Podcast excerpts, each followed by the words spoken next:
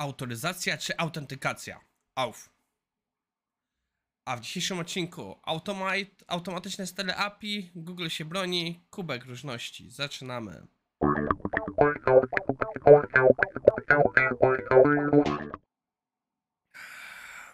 Dzisiaj piję iced tea zrobione z herbaty jaśminowej. Całkiem, całkiem. Ale przyznam się szczerze, jestem trochę nie do życia. Pogoda jest taka, że pada. Ciśnienie poszło w dół i ja bym tylko spał, więc wybaczcie takie moje trochę niemrawość, ale dosłownie wróciłem z psem ze spaceru i zrzymnąłem się. Mm, Zaczynamy. E, Naszym pierwszym artykułem jest przykład, jak mi się zmienił e, poziom oczekiwania od artykułów. Dlaczego? Jest artykuł, który jak czytałem jakoś miesiąc temu, yy, nawet mnie zainteresował, bo już mieliśmy wtedy jakiś jeden artykuł o narzędziu, które służy do automatycznej weryfikacji API i pojawił się właśnie inny przykład, więc postanowiłem go dodać.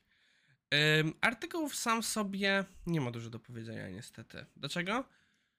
Ym, nie wiem, z czasem po prostu, jak trochę bardziej wczytałem się w copywriting i tak dalej, jest to pusty artykuł, w którym jest dużo słów, a mało treści. Jest dużo takich rzeczy, które się po prostu pisze po to, żeby pisać, żeby artykuł wypełnić, a tak naprawdę nic z niego nie wynika. O co chodzi? To tak właśnie trochę widać, jak można pewnym rzeczom naciągać. Po prostu mamy wpierw parę akapitów, które wygląda na to, że tak naprawdę budują o co chodzi, budują terminologię, ale no też nic z tego nie wynika.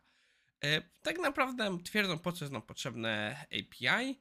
Następnie jest zaczyna się robić coś ciekawego, bo w końcu dyskutują coś na temat właśnie e, dlaczego automatyzować, co wynika z e, tam, że o jakimś podcaście wspominają. I później już mówią o, o linterze, ale znowu bardzo podstawowo nic konkretnego nie wynika. O, kon, o version control no, też jak trochę się robiło z API, nic z tego nie wynika. Jeśli jesteście kompletnie nowi z API, akurat te dwie sekcje mogą się do czegoś przydać. I następnie zaczyna się już tutaj dyskusja trochę na temat stylu, konwencji nazewniczej. I to wszystko niby fajnie, ale takie właśnie puste zwroty, za dużo nie wynika. Więc wchodzimy w dyskusję na temat, dlaczego warto automatyzować, jak to zautomatyzować. I no i mówią, że są różne narzędzia i że różne narzędzia są przydatne i że oni robią jakieś narzędzie do automatyzacji, ale no tak naprawdę nic z tego nie wynika.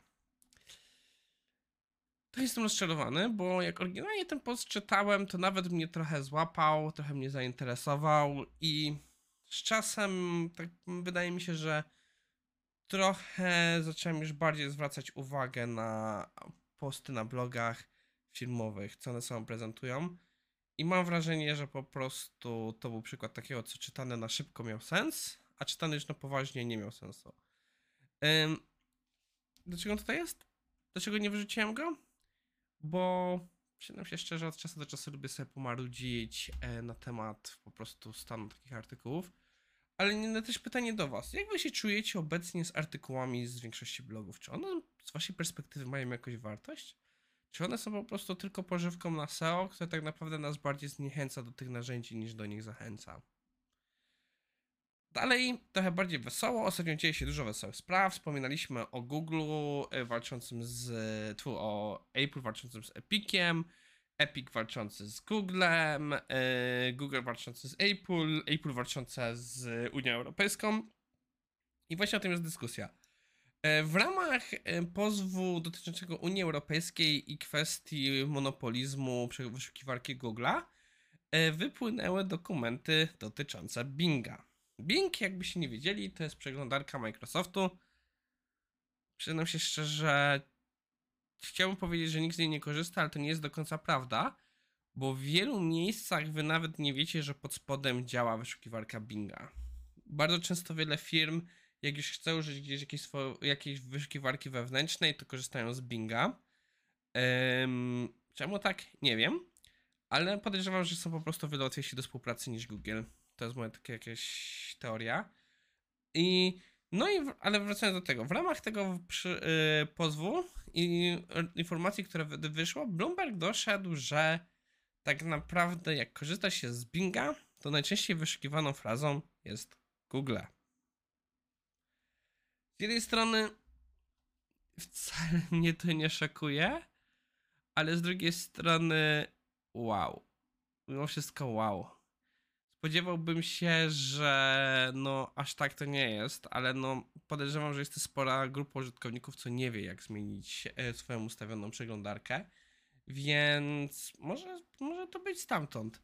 Ja bym się, ja bym, ja bym może się spodziewał, że będzie po prostu najczęściej wyszukiwane to Google Chrome, po prostu używają Edge'a, ale no cóż. Trochę fascynujące to jest. Em, dużo tych sposobów się teraz dzieje, więc fajnie tak czasami popatrzeć na te rzeczy. I nie to śmieszę. Na zakończenie, w ramach Kubka Różności, chciałbym Wam powiedzieć o człowieku, którego znalazłem w ram... Słuchając jednego podcastu, wspominali o Allen Holbie na jego aktywności na Twitterze. Powiem tak, gościu staje się powoli moim bohaterem, bo rzuca takie bomby, że po prostu aż można czuć, jak niektórzy e, po prostu no, nie, nie, nie przyjmują tego za dobrze. E, Gość jest bardzo ostro nastawiony na Agile'a, na DevOpsa i on po prostu twierdzi, ma bardzo mocne spojrzenie na ten temat. Spojrzenie, w którym może się, w dużej mierze się zgadzam, nie do końca zgadzam się ze wszystkimi jego przemyśleniami w sposób, jaki on prezentuje, ale no gość jest bardzo bezkompromisowy. E, Co na przykład mnie zaciekawiło, taki punkt wyjścia, to jest właśnie ten jego Twitter, e, tweet, że założenie, że testerzy nie są e, deweloperami jest dla niego dziwne, że te, bo uważa, że testowanie musi być zautomatyzowane, a przecież automatyzowanie to jest pisanie kodu i że ktoś, kto nie potrafi kodować, nie pisze, nie testuje z jego perspektywy i if they can, no i że tak naprawdę skoro piszą kod, to są deweloperami. Chłopak, facet, pan pracuje w bardzo do, dojrzałych agile, projektach agile'owych, gdzie jak najbardziej się z jego zgadzam y, z perspektywą i to jest moim zdaniem perspektywa, w którą idzie powoli świat. Wydaje mi się, że trochę za mało widzi late majority i niestety to, co mu najczęściej odpo- odpowiada na Twitterze jest late majority, więc wiele wesołych dyskusji z tego wynika. Warto poczytać, brać popcorn i się przeanalizować. Zachęcam. No i to wszystko na dzisiaj. Mam nadzieję, że Wam się podobało. Postaram się na następny odcinek lepiej się wyspać. Do usłyszenia i do jutra.